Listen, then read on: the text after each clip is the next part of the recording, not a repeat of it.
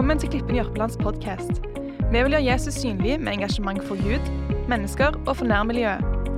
Dersom du ønsker mer informasjon om dette, eller kontakt med oss, kan du besøke klippen.no. Du vil nå høre en podkast fra et av våre møter. God fornøyelse.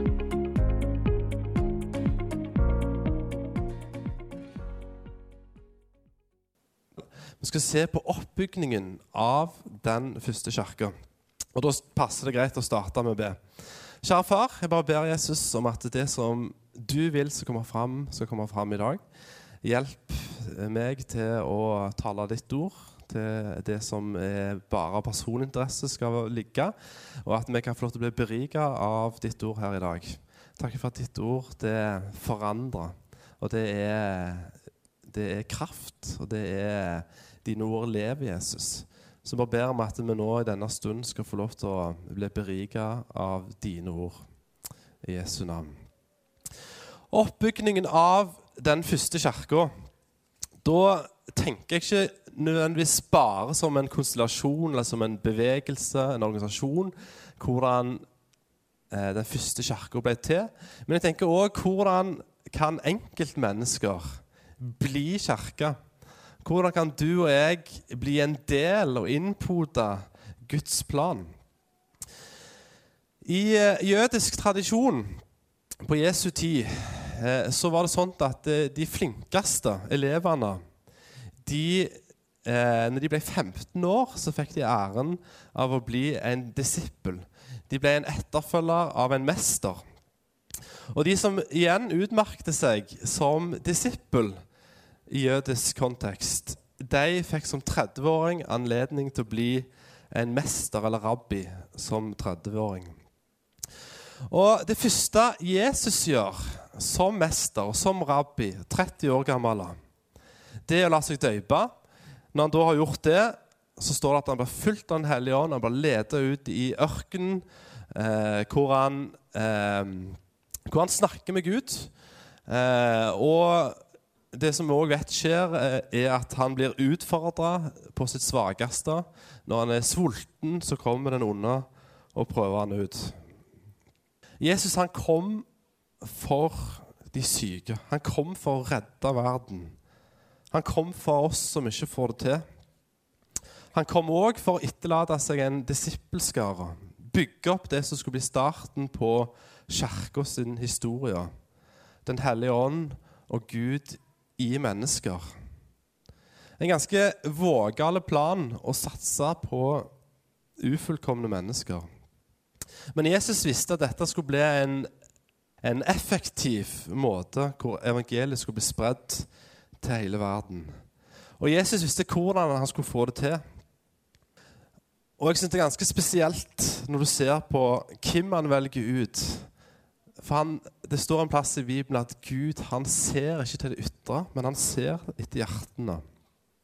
Og han bruker ufullkomne mennesker. Det ser vi i Bibelen, og det ser vi den dag i dag. Han bruker ufullkomne mennesker til å få fram et fullkomment budskap til frelse. Når Jesus hadde døpt seg eh, og bestått prøvelsene i, eh, i eh, ørkenen, så leser vi i Matteus at Gud sier til ham at han skal forlate sine trygge omgivelser i Nasaret og flytte til Kapernaum, et område nær Genesaretsjøen. Og Der begynner Jesus å tale til folk om omvendelse. Omvend dere, for Guds rike er kommet nær, sier han. Jeg vet ikke om folk egentlig skjønte hva han sa. At, om folk skjønte hvor nær Guds rike faktisk var. Rent fysisk så, var, så, så de Guds rike som var kommet nær. Inkarnasjonen, Gud var blitt menneske. Immanuel, Gud med oss. På denne fine plassen jeg har vært i, i dette området i Israel um, Og Der velger Jesus ut sine første disipler. Og Det er ganske interessant å tenke over det faktum at de disiplene Jesus velger ut, det er enkle fiskere. Denne rabbien, mesteren Jesus, han går bort og rekrutterer de som i hermetegn ikke hadde fått det til. De som ikke etter jødisk tradisjon skulle få lov til å fortsette som en disippel. Og så går han til deg. Og Vi skal lese fra Lukas 5, 1-11. En gang sto Jesus ved Genesaretsjøen, og folk trengte seg inn på ham for å høre Guds ord. Da fikk han se to båter som lå ved stranden. Fiskene var gått ut av dem og holdt på å skylle garn. Jesus steg opp i en av båtene, den som tilhørte Simon, og ba ham legge litt ut ifra land. Så satte han seg og underviste folkemengden fra båten. Da han var ferdig med tala, sa han til Simon Så tar vi neste. Legg ut på dypet og sett garn til fangst. Mester, svarte Simon, vi har strevd hele natten og ikke fått noe. Men på ditt ord vil jeg sette garn. Så gjorde de det og fikk så mye fisk at garn holdt på å revne. De ga tegn til arbeidslaget i den andre båten at de skulle komme og ta i med dem. Og Da de kom, fylte de begge båtene så de var nær ved å synke. Da Simon Peter så det, kastet han seg ned for Jesu føtter og sa, 'Gå fra meg, Herre, for jeg er en syndig mann.' For han og alle som var med ham, ble grepet av forferdelse over den fangsten de hadde fått. På samme måte var det med CBD-sønnene Jakob og Johannes, som fisket sammen med Simon. Men Jesus sa til Simon, 'Vær ikke redd, fra nå av skal du fange mennesker.' Så rodde de båten i land, forlot og fulgte ham. Jeg syns det, det, er en historie som, eh, som, jeg har hørt mange ganger, og, og, og noen gjerne har hørt det på søndagsskolen. For andre kanskje ny. Men for meg så ble det veldig sterkt å lese denne historien på nytt. Og jeg eh, tenker sånn at, tenker jeg sånn at eh, båten det tror jeg er et bilde på livet vårt, eller troa vår. Og garna som fiskerne brukte, det tror jeg er et bilde på Guds ord. Havet det er et bilde på verden, mens fiskene er et bilde på menneskene. Og jeg tror at denne hendelsen som Peter fikk være med på, eller Simon Peter, jeg tror det var en profetisk hendelse som Jesus ønskte å vise til Peter. Det var noe som på en måte var mer enn bare at jeg var ute på fisketur. Men det viste til noe som kom til å skje. Det viste at Peter han skulle få lov å kaste ut Guds ord ut til verden, ut på dypet. Og Jesus kom til å lede fiskere inn som skulle bli fanget, eller som skulle få oppleve Jesus kjærlighet. Og de skulle bli tatt opp i båten. De skulle få et, et, et, et ta tro med seg i livet sitt. Og jeg tror at i oppbyggelsen av ei kirke så tror jeg at dette er en av kjennetegnene til hva som skal prege våre liv, kirka sitt liv, vår tro. At Guds ord, eller garna, det skal være linken, det skal være bindeleddet mellom havet, mellom verden og den troa som vi har i vårt liv. Det er mange ting her som er interessant. Peter han hadde fiska hele natta uten å få noen fangst. Så tror jeg vi kan lære noe av Peter her. For han velger å si til Jesus På ditt ord vil jeg gjøre som du sier. Han var lydig, og jeg tror at Jesus vil at som kirke så skal du og jeg være lydige til det han sier til oss. Peter får òg egentlig tidenes fangst. Han trenger hjelp. Han ber det andre arbeidslaget komme. De fyller opp to båter som holder på å synke. Og Rent materialistisk så kunne han gått til torget og solgt dette her, slått seg på brystet og tenkt at yes, dette her yrket er fantastisk. Dette er noe som jeg vil fortsette med. Og det faktum at Jesus ser han, han kaller med navn sier Simon, og så gir han et nytt navn, Peter, som betyr, eller Kefas, som betyr klippen. Noe som er stødig, noe som er fast. Det i seg sjøl kunne ha gjort at han ble arrogant. At han tenkte han ble høy på seg sjøl og tenkte wow, ja, du har rett, Jesus, jeg er en fining. Eh, men så reagerer han tvert om, og han reagerer på følgende måte. Han sier til Jesus.: Gå ifra meg, Herre, for jeg er en syndig mann. Han får ære og gudsfrykt. Han blir ydmyk. Han bare ser at wow, her har jeg møtt en som er større. Og jeg tror det er så viktig i oppbyggelsen av kirka at for at du og jeg skal være sånn som kirka er ment å være, at vi har gudsfrykt, at vi er ydmyke, at vi eh, forstår at det er ikke vår fangst, det er ikke vår fortjeneste. Det handler ikke om hvordan vi presterer, eller hva vi ikke får til, men det handler om Han. Det var Jesus som ledet fiskene i Ghana. Det var ikke Peter. Det er ikke vi som skal lede folkemengder til Gud. Det er det Gud som gjør. Jesus sa til han, 'Fra nå av skal du være en menneskefisker.' Og jeg tror at Dersom vi har tro på Gud, på Jesus, og vi har gudsfrykt, og vi velger å kaste ut garnet, vi velger å følge Jesus, så kvalifiserer vi til å være menneskefiskere. Vi kvalifiserer til å være misjonærer. Og Dette ble starten på Peters etterfølgelse av Jesus. Peter han eh, fikk se og oppleve ufattelig mye spennende. Han fikk se utallige mirakler. Han fikk høre Jesus undervise om alt mellom himmel og jord.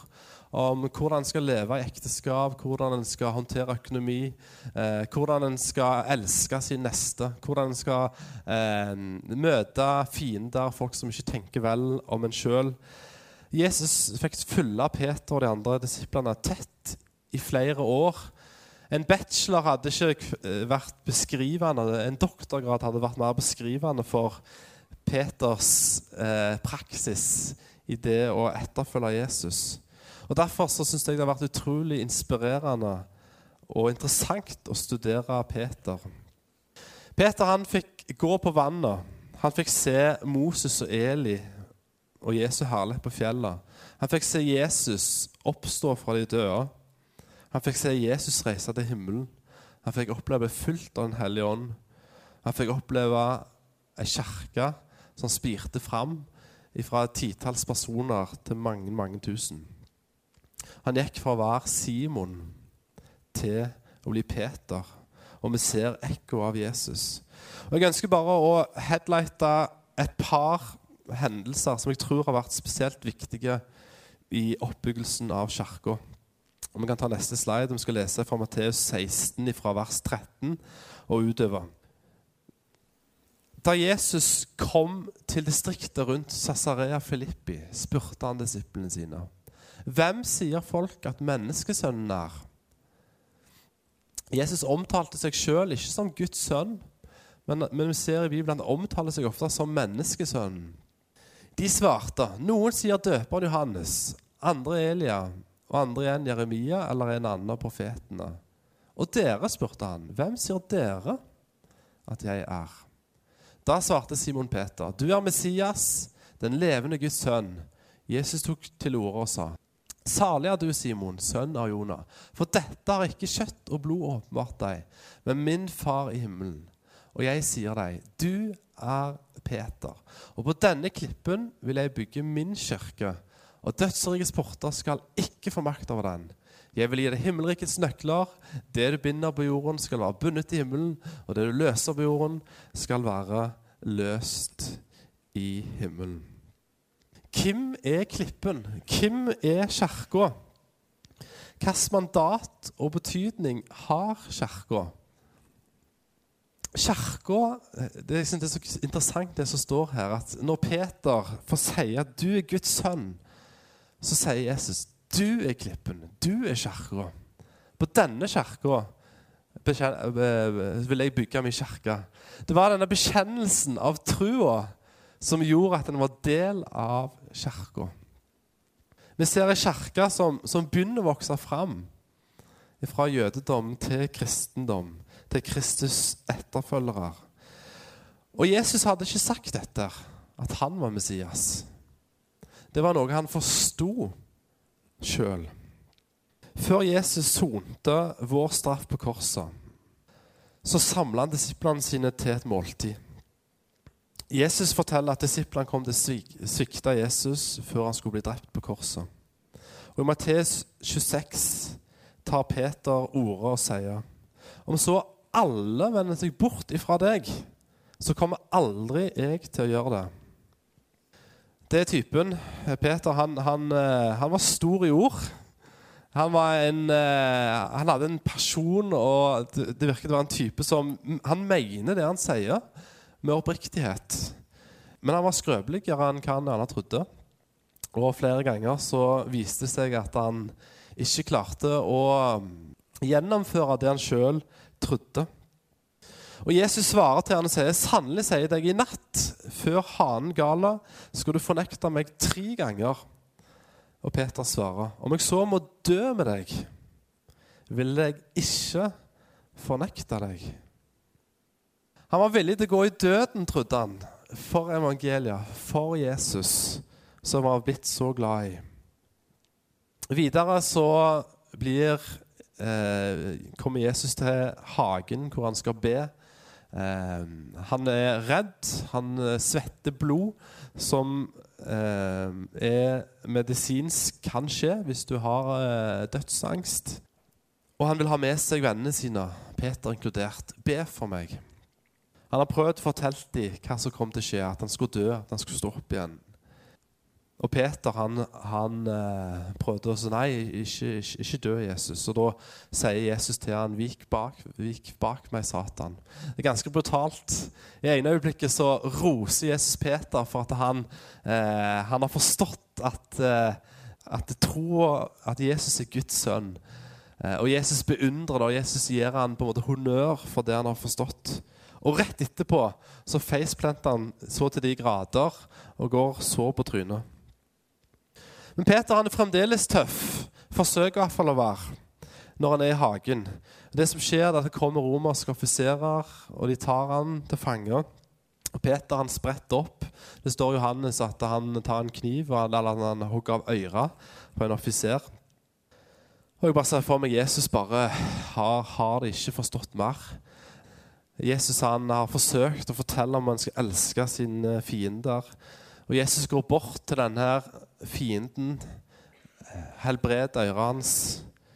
Og jeg tror det må ha måttet vært en tankevekker for Peter, som skal bli kirka sin leder etter Jesus, der han står og observerer.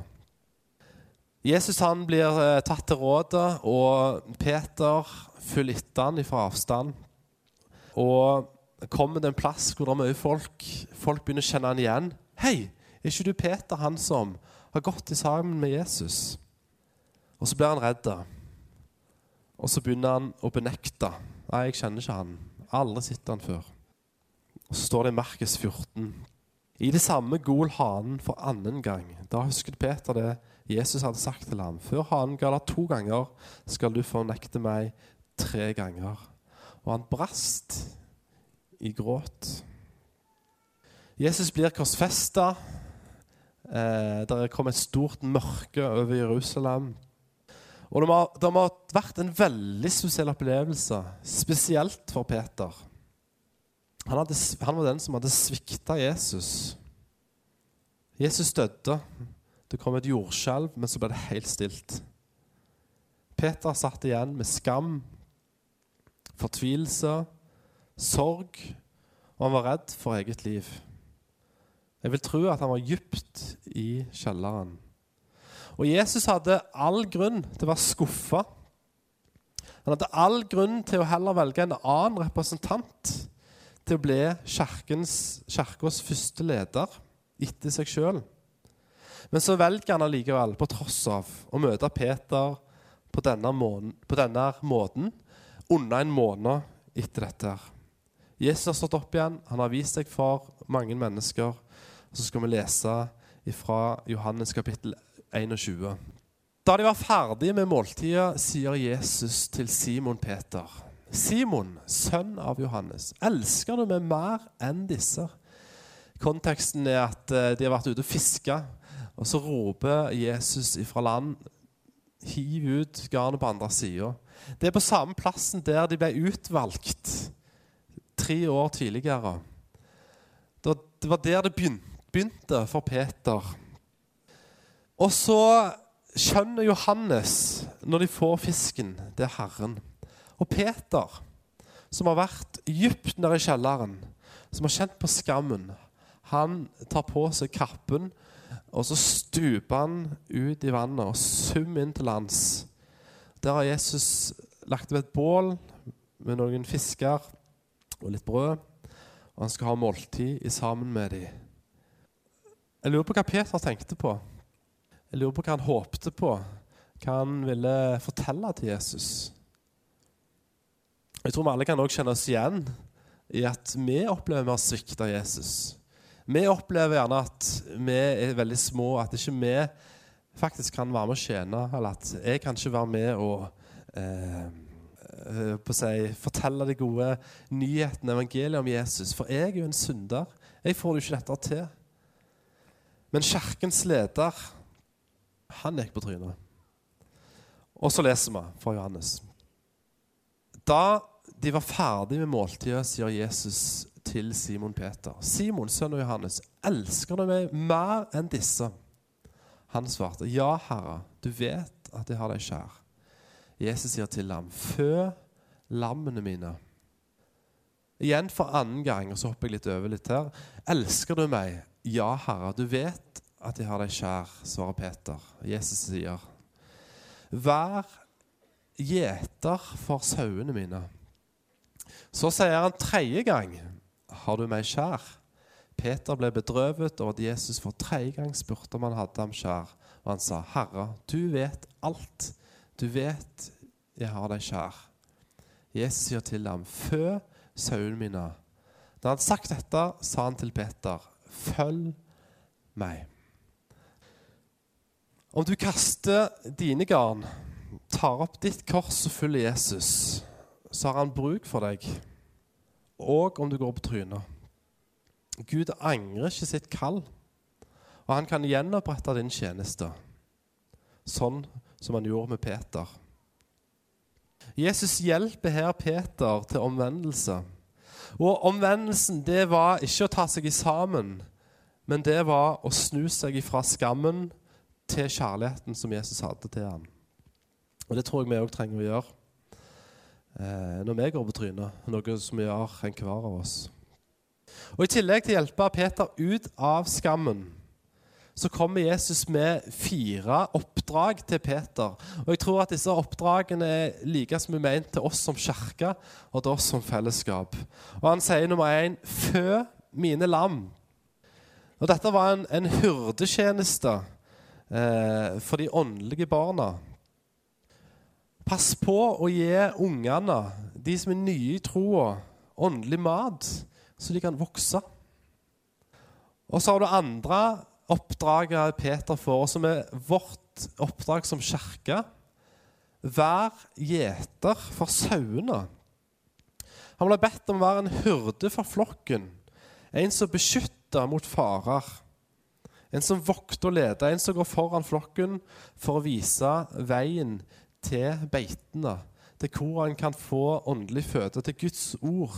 Det er et av de oppdragene vi har hvis vi har blitt en etterfølger, hvis vi har tatt imot, hvis vi ønsker å være en etterfølger eh, og vi har lyst til å kaste ut garnene. Så er dette noe som Gud vil kalle oss inn i. Og så har han òg denne tredje tingen. Fø sauene mine. Led òg de voksne de modne som har kommet lengre på veien. Gi òg de åndelig mat, og korriger de. Og så har den fjerde tingen det på, en måte, på en måte så blir det mer og mer avansert. på en måte. Så, men så, det, den siste tingen, liksom, det er egentlig det samme som den første tingen. Han avslutter med å si til Peter at det er egentlig det viktigste som dere som kirke kan gjøre, det er å følge meg. Og jeg tror at Gud, eller Jesus gir oss en, en oppskrift her. Er du en nybegynner, du, har, har, du aldri hørt evangeliet før, eller du er ny i troa, så starter det med om å være lydig, om å kaste garnet, sånn som Peter gjorde. Om å gi ut av Guds ord. Om det er på den ene eller andre måten, men eh, gjennom kjærlighet, gjennom praktiske ting, eh, gjennom å være med i et team, eller bare å være en god venn. Det begynner der. Og gjør du det, så er det spørsmål om tid før du forstår bare mer og mer om hvem Jesus er, og hva kirka er. Kirka er. Og dette var en, en eh, utvikling, en, eh, Eh, Peter han, Det var flere ganger i Bibelen at Jesus ble oppgitt. Han tenkte åh, har de ikke forstått mer? Men Jesus han sto der støtt, og han elsket, og han eh, refsa, og han fortalte og verna om å beskytte, og var den gode hurden som jeg òg tror at han vil være for deg og meg. Jeg eh, spiller gitar, og når jeg begynte å spille så var det første en begynte med, det var jo det basice. Ta det enkle grepet. G, D, E-mål, A-mål. Når han hadde gjort det, så avanserte en noe. Så begynte en BRE-grep. Eh, og noen av oss her jobber veldig med det akkurat nå. Lykke til. Og så er det et skritt til. Så kan du begynne å jobbe med gehør. Eh, og så kan du begynne med teknikk og skala. Og så, det, så blir det på en måte bare mer og mer avansert. Men det å være i kirke det på en måte snur opp ned på disse tankegangene. Fordi det mest avanserte, og kanskje det vanskeligste, det kommer i starten. Nemlig å gi slipp på sitt eget liv. Gi slipp på egen lykke og egen velstand. Peter fikk denne store fangsten, og Jesus spør, 'Kom og følg meg'. Peter var ikke sein med å kaste, for han hadde sett noe i Jesus som gjorde at dette her er det mest spennende jeg kan gjøre. Etter hvert så gikk det med seg sjøl. Jesus korrigerte. Jesus gikk med. og Han fikk etter hvert Den hellige ånd, og han fikk på en måte et slags indre kompass som fortalte han hvordan han skulle gjøre Jesus synlig, hvordan han skulle be for syke, hvordan han skulle gjøre de tingene som Jesus hadde bedt han om å gjøre. Er du villig til å følge Jesus? Hvis du er det, så er det Jesus som lærer deg opp. Det er ikke de oppgaver, det er hans oppgaver. Fordi han identifiserte seg så sterkt. Han sa her tidligere Matteus at altså det er min kirke. Det er hans oppdrag. Det er ikke vårt oppdrag først og fremst. Du må bare slippe han inn. Du må bare ta til deg av hans ord. Du må bare be til han. Og så er det han som skal gjøre det. Det er han som skal lede fisken inn i garnet. Gjør du det, så på et eller annet tidspunkt så er det naturlig at du tar et neste steg. Eh, du er med å fø. Du er med å beskytte og vokte og gi videre det som du har fått. Og så avslutter det med det som du begynner med, som er egentlig på en måte Uansett hvor langt vi er kommet som kirke, som enkelttroende, så er det alltid dette som er det viktigste. Følg meg, som Peter, Jesus avslutter med å si til Peter i versene vi nettopp leste. Kirka starta med treenigheten. Verden blir til, Gud skaper verden, synd kommer inn i verden. Går en del tusen år, en del ting skjer. Og så kom inkarnasjonen, som er det vakreste ordet som finnes. Gud kom ned. Immanuel. Gud med oss. Jeg kommer ikke for å dømme, men for å redde verden. Jesus sier at 'jeg er sannheten, veien og livet'. Invitasjonen er gitt. Følg meg. Gavene, nåden, er tilgjengelig. Den nye paksavtalen er enkel. Tro bare på meg. La meg være din herre. Så får du evig liv. Og jeg vil lære deg den vei du skal gå. Jesus, han kan utruste meg og deg sånn som han kunne med denne ufullkomne tenåringen og etter hvert voksne mannen Peter. Han gikk for å være en enkel fisker til å bli en menneskefisker. Til å få et større kall, et større oppdrag. Han ble fulgt av Den hellige ånd og han begynte å forkynne evangeliet med stor frimodighet. Og Det er utrolig fascinerende å lese Apostelsgjerningene kapittel 2, 3, 4 og egentlig utover òg, hvor du ser en helt annen Peter som er fullt av Den hellige ånd og bare går ifra å være redd eh, for være i kjelleren, til at han bare står ute og bevitner og forteller. Omvend dere. Har korsfesta Han som elsket dere. Omvend dere så ser du han gjør akkurat det samme som Jesus begynte med som 30-åring tre år tidligere, når han forkynte omvendelse. Denne Peter som benekta Han ble gjenoppretta av Jesus. Han fikk Den hellige ånd, og plutselig så var han ikke redd. Og når de ble hudslått og piska og de havna i fengsel, så priste de Gud av takknemlighet. For de fikk den æren av å være en Jesu etterfølger. Jeg tror at denne ekspansive veksten som vi så, er òg mulig i 2019. Jeg tror det er mulig at vi òg kan være i effektive kirke. Men kirkas potensial for liv, seier og vekst avhenger ikke av dine eller mine egenskaper, gode eller dårlige sider. Men det handler om hvem han er, og hva han kan få til gjennom meg og deg. Så hvor er toppen av dette isfjellet? Hva er det som på en måte jeg vil at, eller jeg tror Gud vil skal være det mest synlige for oss? Det som vi skal fokusere på av alt det her. Jeg, vil at vi skal reflektere over disse spørsmålene. Vil du være en del av kirka? Er du villig til å kaste garna? Er du villig til å gi åndelig føde, beskytte og følge etter Jesus?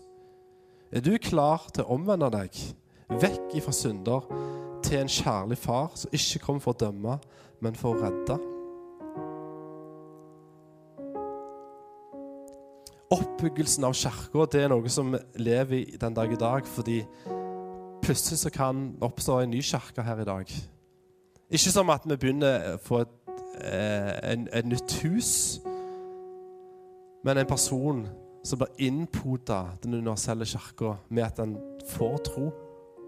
Tro og kommer med forkynnelsen. Derfor er det så viktig at vi ikke er tause i dag. At vi ikke bare Jars og Peter og, vennene som sto på land og vaskte garna, og bare opptatt med vår hverdag og våre ting. Jeg vil at vi skal lukke øynene, så vil jeg be litt, og så ønsker jeg at vi kan ta en liten frelsesinnbydelse. Kjære himmelske Far, jeg takker deg, Jesus, for at du kan bruke folk som går på trynet. Du kan bruke hverdagspersoner. Du valgte ikke det som var stort og mektig og prektig. Du valgte enkle fiskere som ikke klarte å nå opp til den jødiske tradisjonen. Som måtte gå og jobbe hos yrkene til sine fedre og mødre. Men så kalte du deg, og takker Jesus for at du ser ikke til det som mennesker ser til, men du ser til hjertet. Du så noe i Peter, og du ser noe i mange her inne. Hvis vi er villige til å kaste garna, så kan du bruke oss til uendelig store ting. Hvis vi er villige til å ta imot deg og være dine etterfølgere, så er det det som er det store med kirka. Linken. Ditt ord i båten i våre liv, som etter hvert skal bli kasta på dypet. Takk for Jesus for at du sa ikke bare til Peter han skulle kaste det på overflaten. At han bare skulle få makrell, og, men du vil, holdt på å si, vil også ha torskene. Eh, du, vil ha, du vil ha de som gjerne Vi tenker at eh, nei, de vil vi ikke ha noe med. De som er skikkelig dypt nede i mørket. De kom du for, og de kaller du oss til kirka og være der for. Bare ber om den kjærligheten som du har, og den personen du har for kirka, som du har trodd på, som har vært en klippe, som har stått fast i nå 2000 år, hvor nesten alt har blitt forandra. Teknologi, postmodernisme, informasjon. Alt skjer i en vanvittig fart, men kirka den består, og det skal du ære for. Jeg bare takker og priser deg for kirka. Jeg bare ber om at den skal være i ekspansiv vekst, og hjelpe oss til å gjøre deg synlig, som er vårt ypperste kall. Og til å gjøre deg synlig. Og så skjer det på forskjellig vis. Og du kan gi konkrete kall om å reise til forskjellige plasser eller gjøre bestemte ting. Men takk for at du har kalt alle her som må ta imot deg, om å være en etterfølger. Om å fortelle og lære alt som du har befalt oss. Og døype folk i Faderens, Sønnen og Helligåndens navn. Så har du lovt du skal gå med helt til verdens ende. Det priser jeg deg for. Eller kanskje er du her som opplever at du, du sitter trygt i båten. Og du, eh, du sitter der med garnet ditt og koser deg. Og så sier Jesus 'kast ut på dypet'. Og så kan det kanskje røske litt i deg. Og hvis du er en av de, så kan du rekke opp hånda nå, så vil jeg være med og be en bønn for deg. Ja. Det er en del hender her. Kjære far, du ser disse eh, menneskene, Jesus, som, som ønsker virkelig å være den linken mellom deg og verden, Jesus. Jeg takker deg, Jesus, for at de nå virkelig etterfølger av deg. Og du ønsker å gi dem alt det de trenger. Om de går på trynet, så vil du løfte dem opp. Og en siste utfordring. Hvis du er her som skjønner at du har vært en etterfølger, og du har kanskje vært frimodig, du har kanskje sagt at 'jeg skal aldri svikte deg, Jesus', men så opplever du at ting har skjedd, ting ble for vanskelig. Du har stivna til, og du sitter med skam. Du sitter dypt i det og skjønner at du vet ikke helt hva du skal gjøre. Hvis du er en av de, så kan du få drikke på hånden, så vil jeg jo bare be en enkel bønn for deg. Ja. Kjære himmelske Far, takker deg for disse personene, Jesus. På samme måte som du gjenoppbygde Peter, så ber jeg at du skal gjenoppbygge disse menneskene, Jesus. Takker deg for at du elsker dem. Takker deg for at du stilte dette spørsmålet. Elsker du, elsket du meg? Og det ble løsningen. Ja, jeg elsker deg. Det var det som var legedommen. Det var det Peter trengte. Takk deg, Jesus, for de hjertene du ser de, disse personene har. For de elsker deg. Og for at du bare skal gjenoppbygge dem i denne stunden. Og for at du kan bruke dem igjen til større ting. På samme måte som Peter ble satt til å være en effektivt og tydelig og kjærlig person som gikk rundt og gjorde godt. Velsign hele menigheten i Jesu navn. Amen. Håper dette budskapet har vært til inspirasjon og veiledning. Flere podkaster finnes på klippen.no og iTunes. Du er hjertelig velkommen til en av våre gudstjenester. Snakkes der.